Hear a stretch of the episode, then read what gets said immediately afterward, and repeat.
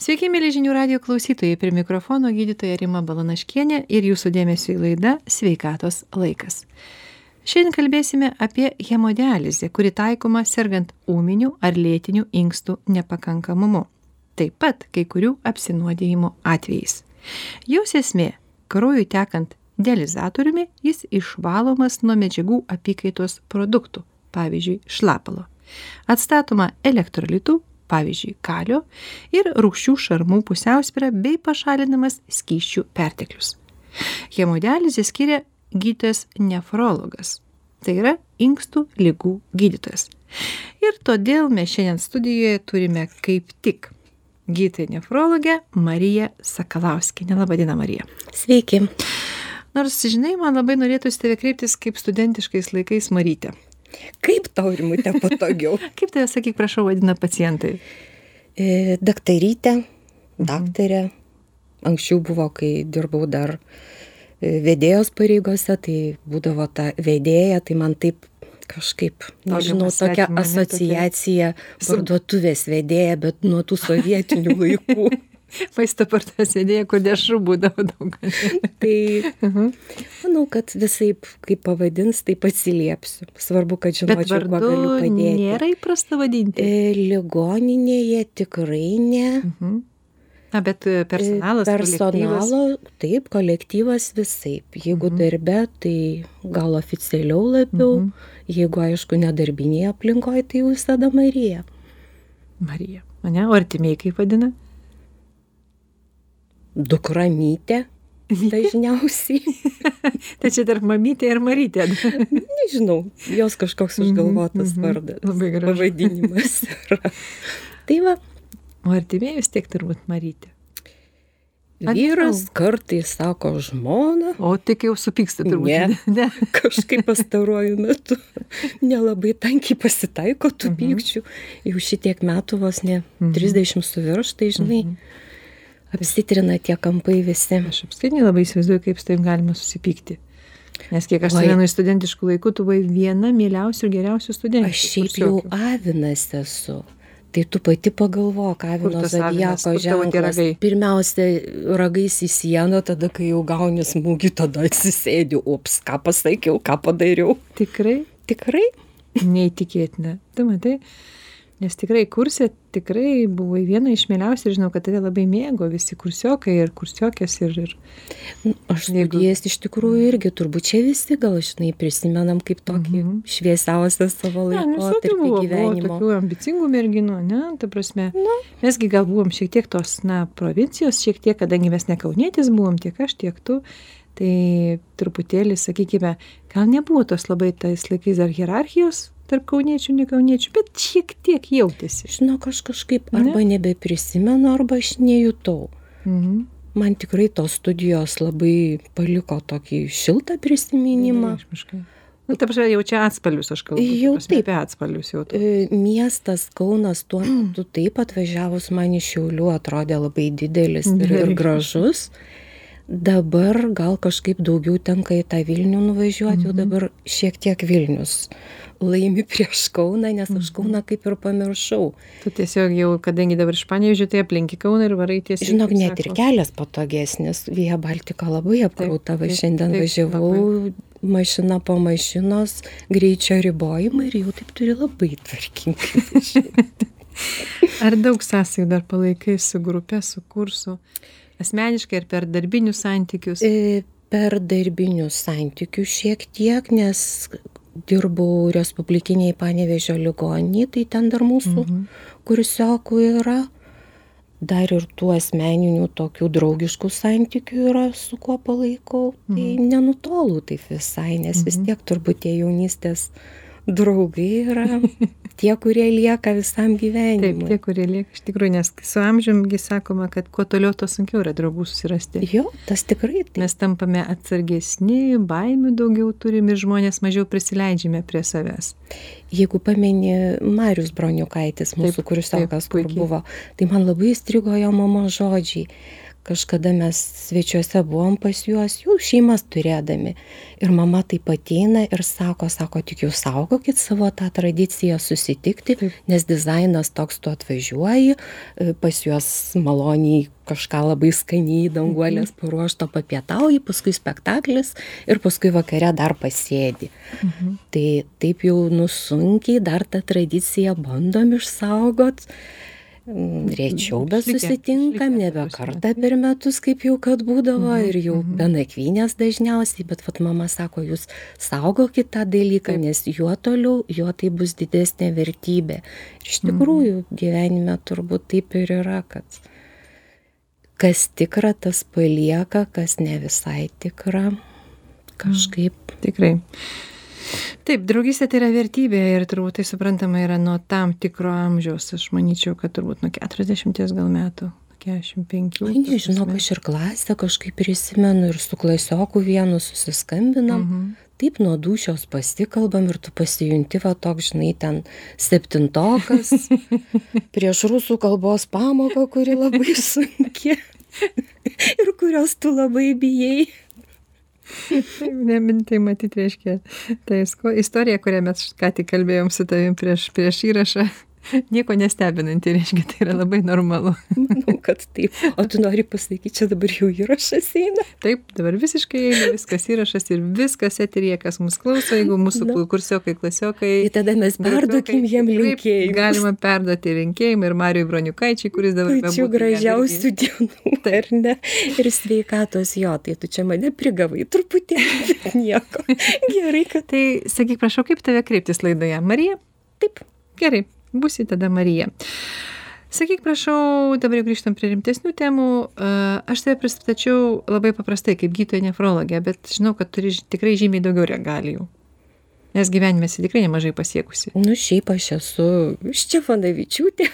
Buvusi taip. ir kartais, simins. jeigu, žinai, norisi pasirašyti ir kokią nors stresinę situaciją, kelis kartus pradėjau jau tą š raidę nu šasi dar dar gerai kad labai rašyti ir jau taip tas senovinis parašas ir pralindo tai matyt čia yra pasąmonėj tokių tai grįžimas atgal jo o tų regalijų tai duotu mhm. momentu tai aš esu taip gydytoja nefrologė mhm. dirbu uždaroje akcinėje bendrovėje nefromeda tai yra hemodializės centras. Esu direktoriaus pavaduotoja medicinos reikalams. Tai čia tokie administraciniai dalykai, jo, pavadinkime. O ne, bet... ilgus metus, beveik 30 mhm. metų, mhm. išdirbau Respublikinėje Panevežio ligoninėje, tai kai atitekėjau į Panevežį, ieškojau ten darbo, atvykau į ligoninę dirbti, pirmiausia naktiniais būdėjimais, o paskui atsirado pasiūlymas tapti nefrologe tai stažavausi tobulinausi nes jeigu tu pameni kai mes baigėme dar buvo nelabai rezidentūrų daug. Taip turbūt tiktai pirmi metai kuomet atsirado ta rezidentūra. tai aš baigiau tą mhm. terapijos rezidentūrą o paskui jau mokiausi kursuose vilniuje tam, kad įgyčiau nefrologijos mhm. tų žinių. O sakyk, prašau, nefrologija, tai buvo tavo svajonė, ar tiesiog taip susiklostė, kad ligoniai, na, tokio specialisto reikėjo? Kaip su nefrologija? Mano svajonė buvo kardiologija. Aš kiek atsimenu taip. Ir aš, kai stojau, iš trečio karto tik įstojau į mediciną, į institutą tais laikais? Jo, aš pirmą mhm. kartą į Kauną, paskui antrais metais, kai neįstojau į Vilnių, o tada trečiais metais vėl grįžau į Kauną ir tada jau įstojau. Tikrai javinas. Tikrai, tai va, o tu sakai ne. Vis tas geras susispyrimas. Mhm. Taip, tai va, tai mano svajonė tikrai buvo gydyti širdį, nes aš mhm. kitų organų nežinojau. Tikrai atsimenu tą tavo tokią. Ir aš buvau ir kardiologijos mhm. burelėje tuo kartu. Taip, taip o kai atvažiavau į ligoninę įsidarbinau panevėžyje naktiniais budėjimais o gy kokią gydytoją įsidarbinai e, vidau kaip ir kaip vidaus, vidaus ligų. Mhm. taip bet būtent skubiai pagalbai buvo ir tebėra ir dabar dar mhm, toks mhm. etatas ir kaip aš sakau tu ateini kai visi išeina ir išeini kai visi gydytojai ateina. Tai tu esi atsakingas arba savaitgalį už terapinius pacientus arba naktį. Mhm. Pasirinkimas buvo arba prieimimo skyrius, arba va tie būdėjimai. Taip. Tai kažkaip pagalvojau, kad na, gal jau truputėlį mhm. geriau būtų dirbti tais būdėjimais. Aišku, esu labai dėkinga likimui, kad pasukau į tą rezidentūrą, mhm. įgyjau ten tikrai Kaune klinikose daugiau žymiai žinių. Taip. Ir tie naktiniai būdėjimai manęs ilgai nevargino, nes susilaukiau dukros. Tai po to aš net galvoju, gal praėjo kokie 7 ar 9 mėnesiai aš ją paauginau. Ir tuometinis ligoninės direktorius Česlavas Gutauskas kažkaip išvelgė, kad reikėtų stiprinti e, hemodializės padalinį, nes tuo metu panevežyje buvo taip vadinama dirbtinio inksto laboratorija. Taip, taip. Ir mane pakvietė tapti nefrologė, aš tada mokiausi, tapau nefrologė, visada įsivaizdavau, kad turi būti ne vien tik dializė, kas jau yra galutinė stadija dažniausiai inkstų kažkokios lygos ir jau nebelabai kas lieka daugiau, tam pacientui gali padėti tik tai vaduodamas jo inkstus, o lygų yra aibė, kurios sukelia vat tokią išeitį tai tuo kartu labai teigiamai pažiūrėjo tuometinis direktorius ir atsirado nefrologijos lovos panevėžyje. Kaip ir skyrius atskiras, ne? Dabar tai yra hemodializės nefrologijos skyrius, bet kadangi vietos yra skirtingos, mhm. pati dializė vienoje vietoje, lovos truputėlį kraustosi, tai vieną kartą būna urologiniam skyriui, tai paskutiniu metu dabar endokrinologijos skyriuje. Nėra taip, kad va, ištisinis vienas koridorius ir, ir būtent viso, mm. visas skyrius yra tuo pavadinimu vienoje vietoje. Tai Ir taip atsirado nefrologija tavo gyvenime. Aš radau, dirbau kaip gydytoja nefrologija ir buvau to skyriaus vedėja, bet šį pavasarį palikau savo mylimą ligoninę su gražiausiais įspūdžiais ir išėjau ieškoti laimės kitur. Pokyčių metas kažkoks tai. Pokyčių metas, jo, bet tiesiog tai buvo sąmoningas sprendimas, matant aplinkinę situaciją, džiaugiantis, kad kolektyvas suformuotas yra jaunų žmonių, O dializė panevežyje tai labai seniai atsirado. Jeigu Lietuvoje kažkur ten 1963, man atrodo, metais mhm. atlikta pirma dializė Šventojo Kubo ligoninėje Vilniuje, tai panevežyje jau 77-ais. Berods nebuvo dar, pavyzdžiui, nei šiuliuose dializės toks. Tai po kiek metų dabar mokslo, tu dabar tapai gydytojų nefrologė, sakyk, prašau? O kiek mes mokėmės? Mes mokėmės penkis, jau Šešis. Mes jau mokėmės. Ir po to šešis. du metai rezidentūros. Tai čia vidaus lygų rezidentūra. Vidaus lygų, ne? tai reiškia aštuoneri. Aštuoni. Paskui dar dirbai. Aš dirbau beveik metus, uh -huh, tai devyneri. Kiek dar mokėsi? O mokiausi tai kursai. Ai, tokie. dirbdama kartu. Dirbdama jau, kartu jau. Tai va. Tai normalu. normalu ir mažai. Dabar tai žymiai daugiau reikia. Iš tikrųjų, čia pas mane, vat, visai nesniai buvo gydytojas veido ir žandikaulių chirurgas, na, kuris šeši metai, penki metai, vienuolika metų mokėsi, kad galėtų atlikti žandikaulio operacijas tam tikras ir dantų. Taip, tai dabar žiūrėk, kai Taip. baigia mediciną ir nepasimoko šešis metus Taip. ir jeigu tu nori, tarkim, kažkokiu labai specializuotų chirurgų dirbti, tai tu dar bendrąją chirurgiją baigi ir po to tik tai Taip kažką. Taip, tai iš tikrųjų, kaip aš sakau, medicina tai yra, tai yra tikrai pašaukimas. Tai yra ne tik mokslas, bet tai yra ir pašaukimas. Ir, ir sakyk, prašau, kodėl vis dėlto gydytojas nefrologas, na, visuomenė nėra toks labai gerai žinomas. Visi žinome kardiologas, neurologas, chirurgas, kas beko, traumatologas, o apie nefrologus labai mažai, negi inkstų lygos tokios retos yra. Bet, Rimutė, ir aš tavęs galėčiau to mhm. paties paklausti kodėl tas nefrologas aplamai, jeigu tu pasakai žodį nefrologas, dar visi, tai dar visi klausosi apie čia dabar kalba. tai jau kaip įprasta prisistatyti pacientui, tai paprastai sakai, aš esu inkstų lygų gydytoja, Taip. nefrologė. Tai jeigu išgirsta tą žodį inkstų, tai jau mhm. viskas puiku. Mhm. Man labai patiko kažkada, yra tokios šventės, kaip mes sakome, nefrologijai, tai yra pasaulinė inkstų diena. Taip, taip. Gal ir teko girdėti, ir, ir laidų būna, jo, tai yra mhm. kovo pradžioje, ten pirma kovo savaitė, ketvirtadienis. Tai ta proga paprastai būna kažkokia tai didelė konferencija, kai baigiamasis akordas. Ir jau iki vat, COVID, iki visų tų nemalonių įvykių būdavo taip, kad e, vis kažkuriame kitame mieste vyksta ta baigiamoji konferencija, tai porą kartų teko ir panevežyje tą šventę organizuoti ir man atrodo, šiauliuose gal buvo būtent vainkstų dienai skirta konferencija ir profesorius Balys Dainys, irgi turbūt žinai. Taip, be abejo, Lietuva žinai. Didž, didžiulis. Urologas žinai. Jo, bet jis labai labai. daug nusipelnęs tikrai ir nefrologija yra ir, ir mūsų ta nefrologų bendruomenė. Labai. Nefrologija, taip. Ir jis kažkaip pasakė per spaudos konferenciją, kad inkstai yra antroji širdis. Mm. Tai sakė, taip žiniasklaida pasigavo ir taip visiems buvo įdomu, kur čia ta antra širdis. Paprastai prostata yra laikoma antrąja širdimi. Vyrų širdimi. Taip. O moteris neturi. Taip, moteris neturi. Mhm. Nežinau, kodėl taip visuomeniai, bet kol kas. Bet e, tai gerai, tada e, tarp lygų, vat, dažnis inkstų lygų, kiek, sakykime, užima procentaliai tarp onkologinių, kardiologinių, jeigu, kaip sako, visą tą piragą paaišysime ir... ir...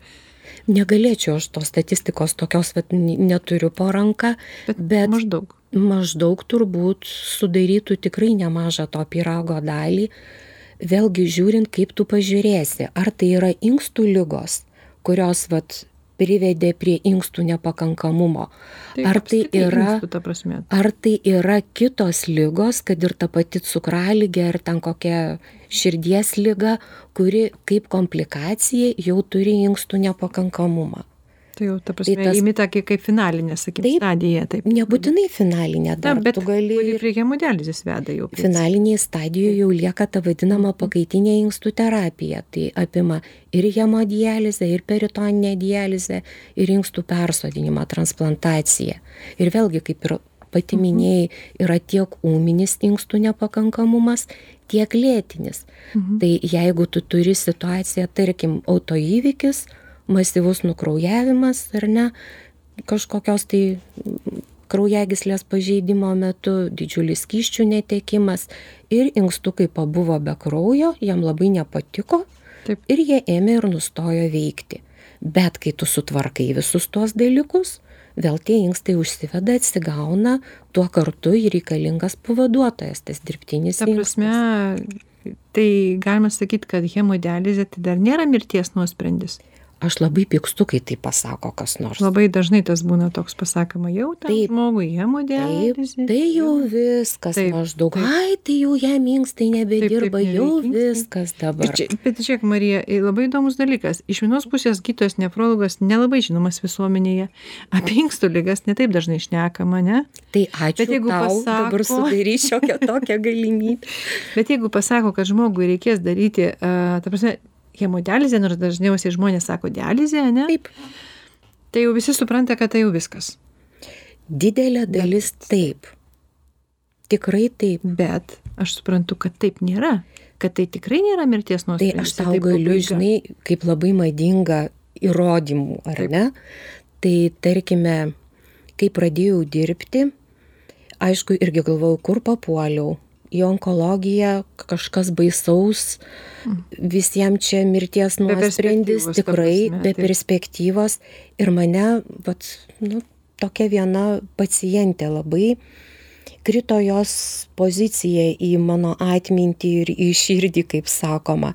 Tuo metu, kai aš atėjau dirbti į hemodializę, ji jau buvo dializuojama. Antrą kartą antras etapas buvo jos dializių, nes prieš tai ji buvo dializuota, po to buvo jai persodintas mamytės inkstas, buvo atmetimas po kiek metų ir vėl jinai grįžo į dializę. Ir ji pradėjo pasakoti savo gyvenimo istoriją sako kai aš susirgau o susirgau palangoj pagulėjus ant šalto smėlio grįžau ko tai tą nugarą pradėjo skaudėti sutino kojos. Taip ji buvo jauna moteris ką tik susilaukusi vaikelio. Mm. tam vaikeliui ar keturi ar penki metukai tuo metu buvo. Ir taip ji pasakoja sako ir kai man pasakė diagnozę kad mano inkstai visai nebedirba kad man reikia valyti kraują mm. sako aš galvoju dieve kad kaip nors tą vaiką nors į pirmą klasę dar palydėčiau nu nors kiek paauginčiau aš jį ir finale ji išgyveno tiek kad ji sulaukė anūkės ūlos o jau tas vaikas tai baigė ne tik pirmą klasę bet baigė ir universitetą ir sukūrė šeimą ir tai viskas buvo dėka nefrologijos kuri žengė milžino žingsniais į priekį Taip. ir ta pati hemodializė jinai neatpažįstamai per 30 metų Tai pasikeitė. kiek laiko ta moteris dializavosi? Tai ta moteris dializavosi turbūt apie 20 metų, o mes dar turėjom pacientą, taip dabar jau jisai, kaip sako, šviesios atminties, bet jis išgyveno 26 berots metus su dialize, ką jau žinau tikrai skaičiais. Ir tai yra Tik su dialize. kasdienė procedūra? Ne, tai nėra kasdienė procedūra, jeigu kalbame apie lėtinę hemodializę, kuomet jau nustoja inkstai arba jų visai nėra, jie pašalinti pavyzdžiui, tai eina tris kartus per savaitę. Čia yra faktiškai auksinis standartas.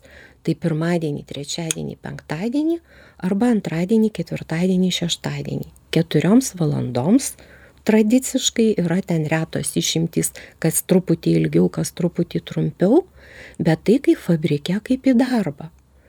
Tai tas vat pacientas, kur šneku, tai buvo tikrai jau mūsų šeimos narys, mūsų kolektyvo narys. Jau mes pas jį į sodą šašlykų kepti važiuodavom. Nes pati pagalvok, tu matai žmogų kas antrą dieną. Tai taip, bet Iš tikrųjų. galima. Ir ta gyvenimo kokybė yra kitokia. Ir kai pasižiūrėdavau, žinai, moteris, pavyzdžiui, kaime gyvena vaikai dar nedideli, ryte ten atsikelia gyvulius taip, sėda ant dviračio dar kelis kilometrus numina dviračių iki autobuso, atvažiuoja iki Panevežio, pavyzdžiui, iš Rokiškio šimtą kilometrų Į dializę. į dializę išsivalo kraują ir grįžta atgal ir vėl ta pati istorija kartojasi po ryt. Tai dabar dėka vat, atsiradusių privačių dializių, jau dabar Lietuvoje dializių centrų gal 66 kokie yra, tai ta procedūra prieartėjo prie žmogaus.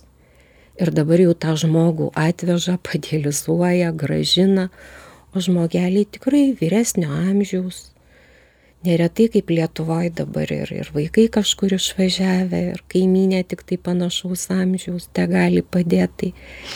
Iš tikrųjų, pirmą laidos dalį baigėme tokią dvigubą natą, kaip sakau, ne, dvigubą gaidą. Viena tokia kaip ir a, pesi, pesimistinė, ne, dalinai, bet optimizmo vis dėlto daugiau. Kągi, trumpam atsisveikiname, sustiksime po trumpos pertraukos likite su žinių radiju, netrukus sugrįšime.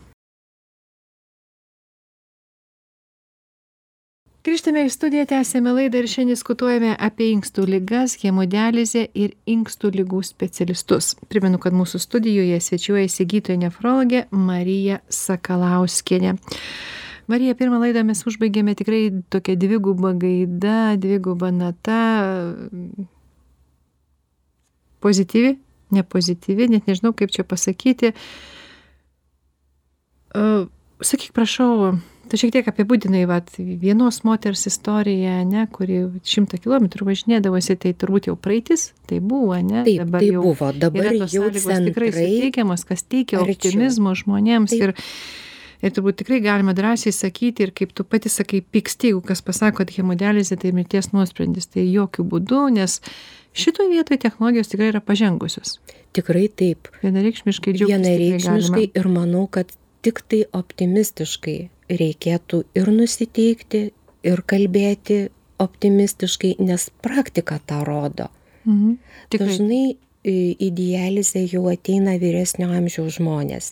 Esame pradėję dializuoti ir 90, gal dviejų metų. Čia turbūt amžiaus nėra kažkokio tai. Dabar nebėra, nebėra, bet kol Taip. ta procedūra nebuvo Mhm. prieinama, tarkime, net iki kokių, galvoju, kol tų dializės centrų nebuvo daug, iki kokių gal 95-7, tai iš tikro būdavo didžiulė dilema inkstų daktarui nefrologui nuspręsti, kurį jungti prie dializės aparato, o kurį gydyti vaistais. O gydimas vaistais tai O gydimas vaistais, prognozė tai prognozė tikrai nebuvo gera. Kaip aš pacientams sakau, jūs išsigasta žmonės, tikrai neretai tai būna kaip perkūnas iš gedro dangaus. Nes inkstų lygos tuo ir pavojingos, kad dažniausiai tas žmogus pripranta prie to savo užteršto organizmo, vaikšto jis ten ir metais, ir mėnesiais, palaipsniui tie šlakai auga, savijauta kaip ir nieko, neretas gis suriša, tai čia su amžiumi gal man jau kažkas ne visai taip, nekreipia dėmesio per daug. Nuovargis, ne? Ai, nu tai čia apetitas pablogėjo, tai gal čia nai neskaniai žmona valgyt padarė, tai čia svoris pakrito, tai čia naktį penkis kartus į tualetą keliuosi šlapintis, tai gal čia prostata didesnė. Tai visada, jeigu nori, tai tą paaiškinimą savo randi. O iš tikrųjų Iš būna? tikrųjų, o iš tikrųjų jau tokie simptomai neretai byloja, kad reikėtų pasižiūrėti, o kaip tie inkstai mano valo kraują.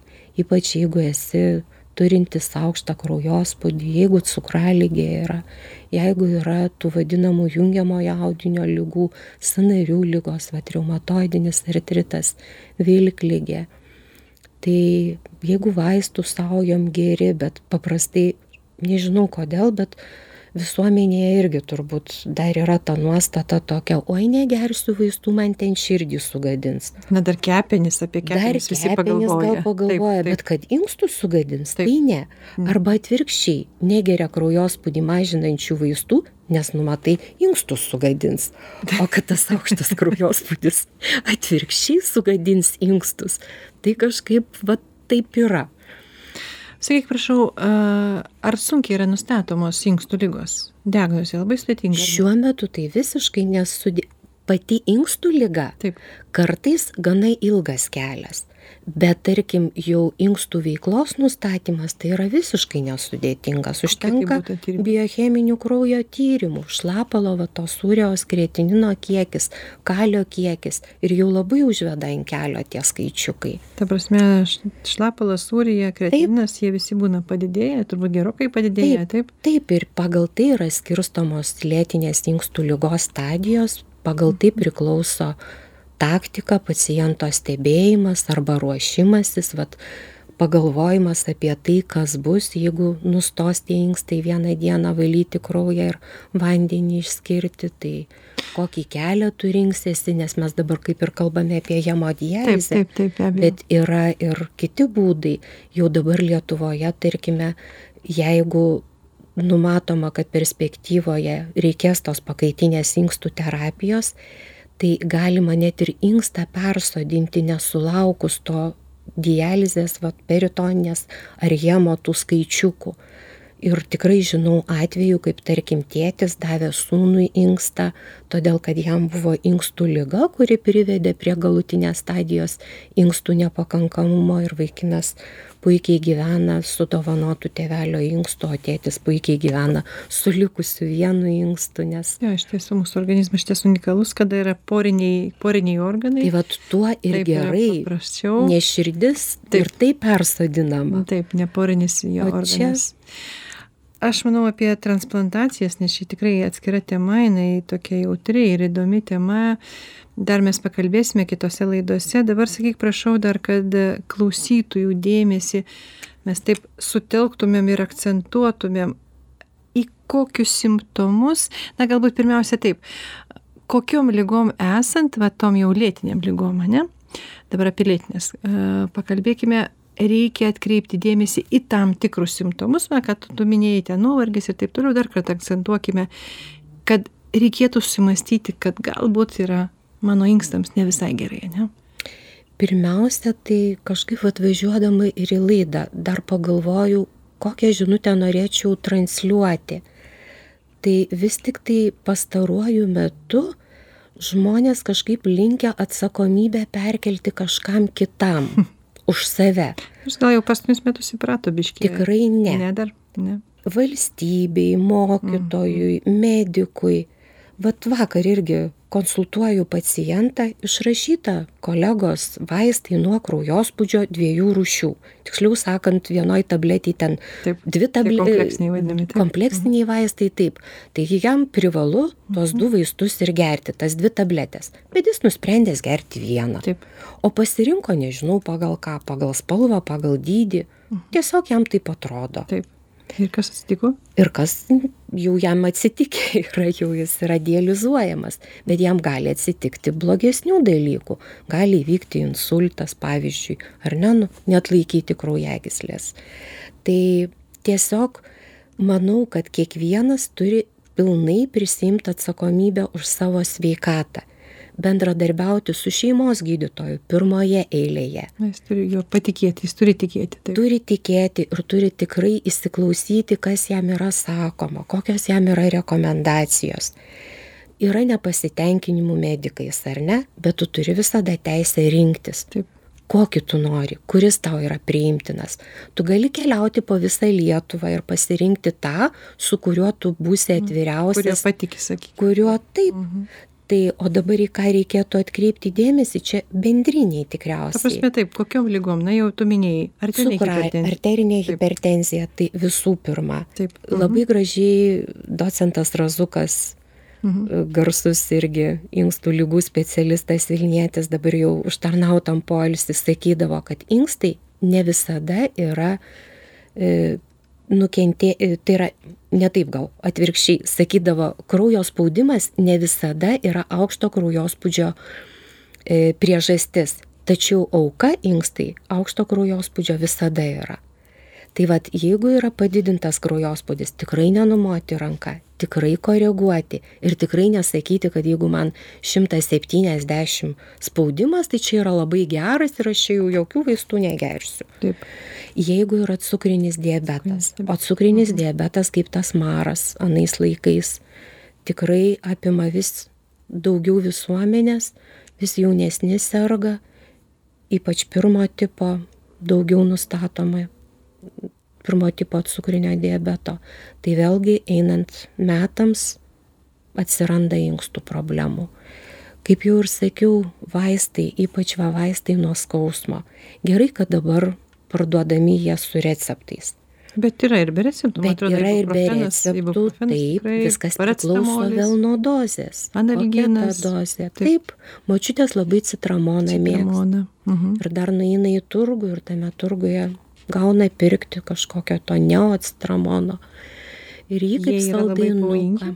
Taip, jie inkstam yra labai pavojingi. Būtent Šitie vaistai tai skausmo. Nereiškia, kad jeigu man skaudėjo dantį, aš išgėriau vieną ir dvi tabletės ir jau tikrai dabar viskas sugadinau inkstus. Tikrai ne. Bet žmonės net kartais patys to nejausdami per daug jų geria, pripranta. Kiek yra per daug, galbūt kažkas supranta. Viršyje tą vadinamą terapinę dozę. O dabar žiūrint apie kokį vaistą kalbam, bet anotacijai visada yra tam lapelyje. Na, turbūt populiariausias yra ibuprofenas, sakykime. Ibuprofeną, kiek žinau, labai mėgsta. Taip, tai kiek, kiek, kiek, vat, kiek jau tų tablečių gali privesti? Labai nevienodai vėl. Vieni metų metais geria ir nieko. Po vieną tai geria per dieną. Tai vad kas dabar gali pasakyti, kiek tų tablečių geria. E, prisimenu puikiai, kaip viena moteris paracetamolio gėrė, nes reikėjo darbus dirbti ir išgėrė gal 10 tablečių porą, per porą, ta prasme, kiekvieną dieną po 10 tablečių, gal porą dienų ir atvažiavo į ligoninę ir jai buvo jau nustoję veikti inkstai ir kepenys pažįstos, bet baigėsi viskas laimingai. Tai individualiai, iš tikrųjų. Prasme, taip, nuskausminčių vaistų vartojimas, ne? Ta prasme, hipertenzija, cukraligė, e, hipertenzinių vaistų, e, vartojimas. E, tai yra nuskausminčių vaistų vartojimas, ne? Kas dar va tie tokie? Vėlgi skyščių nedateklius. Mažas skyščių. Ypatingai vartojimas. vyresni žmonės. Mhm. Nenori tankiai vaikščioti į tualetą ar nutinka beinant iki to tualeto. Ypač vyrams bėdų. Prostatos bėdų turbūt. Ir moterys labai. Ir moterys. Taip, Slapimų ir ypač būna. vasara, dabar karšta, išprakaituoja. Arba šiaip suvalgė kažką vėmė ar viduriavo, neišgėrė skyščių, žiūrėk jau ir tikrai užblogėjus inkstų veikla ir kartais įsireikia ir tos pačios hemodializės. Priežastys kaip ir visos tokios pagrindinės, esminės. Ir COVID ne? infekcija. Ir COVID, apie ją dar atskirai šiek tiek paminėsime. Uh, sakyk, prašau, tai tie simptomai, ką žmogus pradeda jausti? Bet tipiniai tavo ilgą laiką simptomai. gali nieko nejausti. Šiaip kaip taisyklė iš tų klasikinių simptomų tai yra pykinimas, šlykštulys, blogas apetitas, blogas skonis burnoje, svorio aišku tada mažėjimas, kadangi mažiau valgo, padažnėja šlapinimas, jis ypatingai naktį. Keista atrodo, mažiau žmogus vartoja skyščio, ne? E, troškina troškina, Jis daugiau geria, Mhm. taip motyvų randa visokių, gal naktį išsižiojęs, miegojau, burna išdžiūvo, eina į tualetą, šlapinimosi tas rovė vyram mažesnė pasidaro, E, niežulys gali atsirasti, bliškumas, randa šeimos daktarai maža kraujystė neretai, nes inkstai dalyvauja kraujo gamyboje hemoglobino gamyboje, nes gamina Tai hemoglobino mažėja. Hemoglobino mažėja. Tai retininas turbūt auga. Jo, tai čia jau laboratorija, čia jau reikia nunešti save pas Bet dabar žmonės gydytoją. labai domisi, jie žino, jie. Domisi, iš Daro tikrųjų pilna patys. internete, pilna informacijos. Jaunesni taip valdo šitą sistemą, pasižiūri, bet yra tikraigi daug vyresnių žmonių ir jiems nelabai įdomu nei ta jų sveikata ir jeigu net ir bandai kitą kartą papasakoti, kas jam yra, sakė, ai nesakykit, čia vis tiek aš nieko nesuprasiu. O labai norėtųsi, nu, kad apie save tai pasidomėkit, brangieji. Ja, čia toksai, ta prasme, galbūt e, kitoks buvo e, mentalitetas, supratimas, galbūt dar ta, ta karta tokia, na, mūsų, sakim, tėvuko, ne, išeinanti, jinai mažiau, a, mažiau domėjusi, bet jie labiau pasitikėjo gydytojais gal. Gal ir taip. Jaunimas dabar turbūt, na, jaunimas, aš turiu mintyje, žmonės nuo 30 iki 45, turbūt, kai jie tikrai prieina prie visos informacijos ir netgi tas toks konfliktas kal- kartais kyla. Ar pas, pas tave nebūna, kad ateina ir sako, daktarė, man tas, tas, tas, man e, išrašykit tuos, tuos vaistus, paskirkit man tokias procedūras. Taip, ateina su savo diagnoze, bet aš visada kaip kontrargumentą, o kodėl medikai mokosi 12 metų plus paskui visą gyvenimą. Taip. Tai jeigu taip jau atsidary kažkokią programėlę, gal kada nors taip ir bus, nežinau. Bet, bet dažnai tiek- būna, ta prasme, kad pataiko tikrai ir ateina teisinga savo diagnozę Na, vis tiek tai yra, kaip tu pati žinai, tai vis tiek medicina yra menas. Taip. Ir nėra tokio stalčiuko, į kurį tikrai vat viskas tilptų. Tu truputėlį iš vieno stalčiuko, truputėlį iš kito stalčiuko paėmė, apibendrini, tu turi patirtį, tu turi žinias, o čia yra tik tai pliki kažkokie tai vienetukai. Nors aišku, stengiasi kažkaip sumetodinti, yra metodikos, ten gydymo schemos. Taip, taip, Kaip ir visi rekomendacijų. ir rekomendacijos ir kaip visi žmonės tarsi unifikuojami, nors iš tikrųjų mes esame be galo skirtingi. Be galo. Kiekvienas individas yra toks skirtingas ir tai čia dabar pakalbėjome apie tos tokius lėtinius sirgimus, kurie priveda prie, sakykime, inkstų nepakankamumo ir dializės. O dabar grįžkime prie tos moters, kuri gulėjo ant palangoje ant smėlio, dabar toks laikas, kai tikrai pats atostogų metas, visi gulime ant smėliuko, greitai jau rūpiučio pabaiga, rugsėjas atvės. A, Kas tai yra pavojai inkstams? Na, šaltas smėliukas, supratom, Šaltas nelabai gerai. smėliukas, šaltas jūros vandenukas. Mhm. Pabraidyti šaltame vandenyje nėra labai gerai. Mūsų ta Baltija graži čia pat, bet inkstam ji nėra labai gerai iš Bet tikrųjų. čia jūs kiti sveikos e, gyvensenos specialistai pasakytų, Marytė, bet mes grūdinamės šitaip. Na, reikėtų su jais atskirai padiskutuoti. Čia taip vienu sakiniu tikrai neatsakysi. Inkstų specialistai šiek tiek turi kitą nuomonę, kaip supratau, apie grūdinimąsi. Turbūt pas jūs pateina tie pacientai. kurie labai pasigrūdina jo. Čia buvo mada, labai gi jaunas merginos nešiodavo ten mėgstinukus tokius, kur būtinai turėjo matytis, taip, ar ne?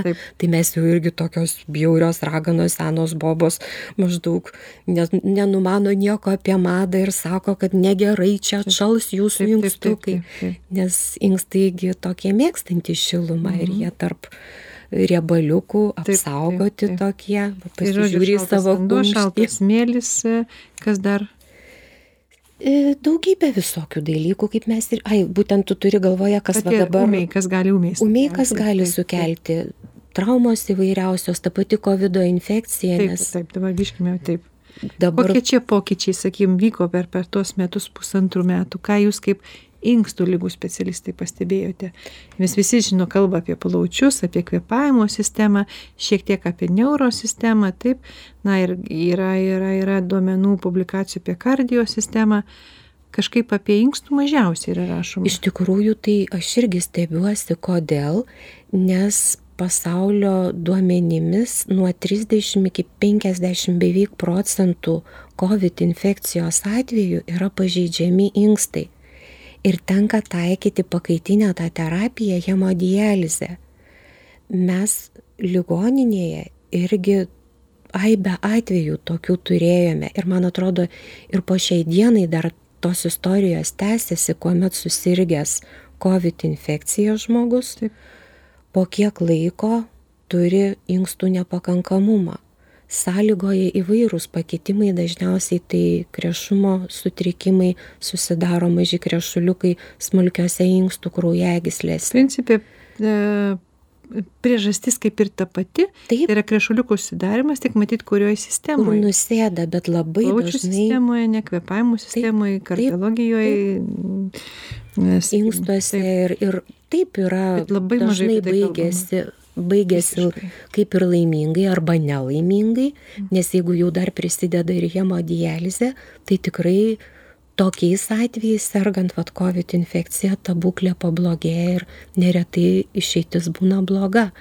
Prisimenu, iki 50 procentų pacientams. Taip, tokia statistika, tiesiog pasižiūrėjau. Čia Lietuvos ar pasaulio? Ne, ne, čia pasaulio. Pas... Lietuvos negalėčiau pasakyti, Taip, nėra, bet gal, gal tokia kažkur tai ir yra kiekviename centre mhm. individualiai paskaičiuota, bet tikrai yra. Jiems reikalinga hemodializė, taip? taip problema yra ir tas visuomenės vis tik tai toks neatsakingumas dabar ir skiepų požiūriu, tai tik vienareikšmiškai, tik tai skiepaigi pažiūrėk dabar, kas guli ligoninėse, guli tie, kurie nesiskiepija dažniausiai susirgia COVID galbūt, infekcija. Galbūt gerai tai, kad dabar turbūt jaunesni daugiau guli, taip? Tai jie turi mažiau gretutinių lygų, jiem yra geresnis šansas taip, išgyventi, taip, taip, taip. Bet vėlgi iš kitos pusės, tai gerai sugula jauni, ar ne, su ta COVID infekcija, mm. o jų močiutės ar ten tėvai jau nebeturi kur gultis, jeigu juos ištinka bėda,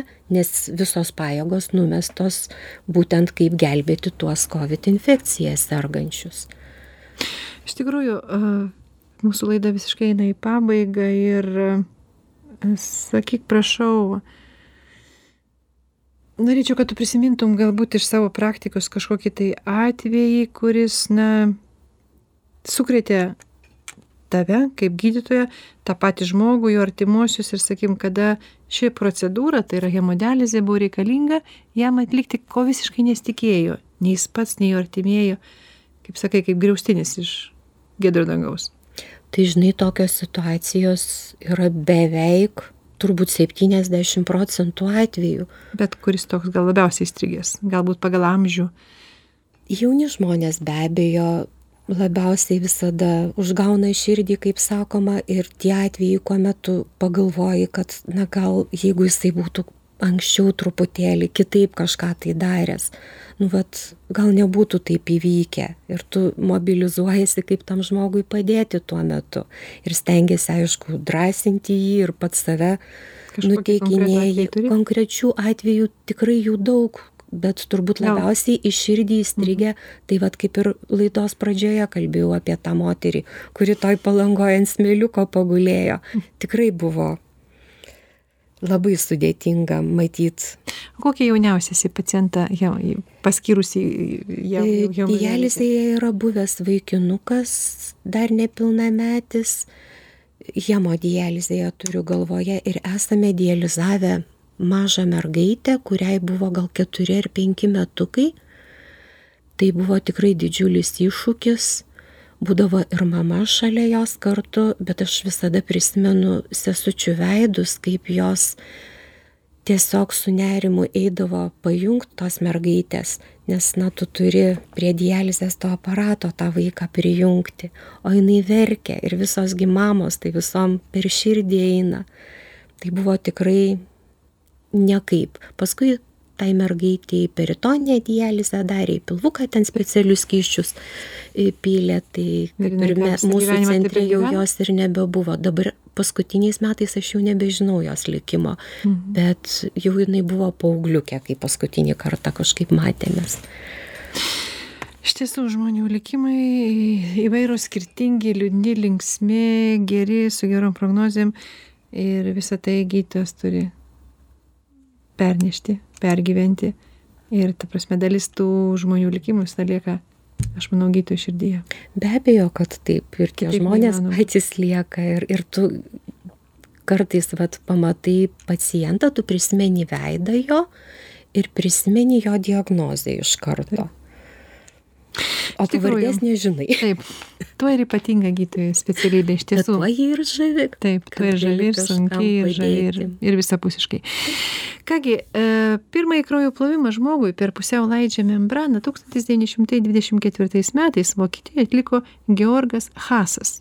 Bet tikrasis proveržis įvyko tik 1945 metais Niderlanduose, kai William Kolf sėkmingai atliko 11 valandų dializę 67 metų moteriai, kuri po to dar gyveno 7 metus. Dėl sudėtingų karo sąlygų ir visuotinio išteklių trūkumo, konstruodamas savo dializės aparatą, Viljamas Kolfas panaudojo skalbimo mašiną, gėrimų skardinės ir dešrų gamybai skirtas celofano žarnas. Tokia istorija. Primenu, kad mūsų studijoje svečiavosi gydytoja nefrologė Marija Sakalauskinė. Ačiū labai Marija, Marytė, už, už, už atvirumą, už tą pasakojimą, už, už tas istorijas ir liūdnas, ir optimistinės. Ir manau, kad klausytojai tikrai įsiklausė, suprato ir daug ką, na, įsidėmės ir galbūt kažką pritaikys. O aš primenu, kad visų laidų įrašus galima rasti žinių radio interneto svetainėje ziniuradijas.lt. Atsveikinu linkėdama geros sveikatos ir teigiamų vasaros emocijų. Saugokite save ir šį kartą savo inkstus. Likite sveiki.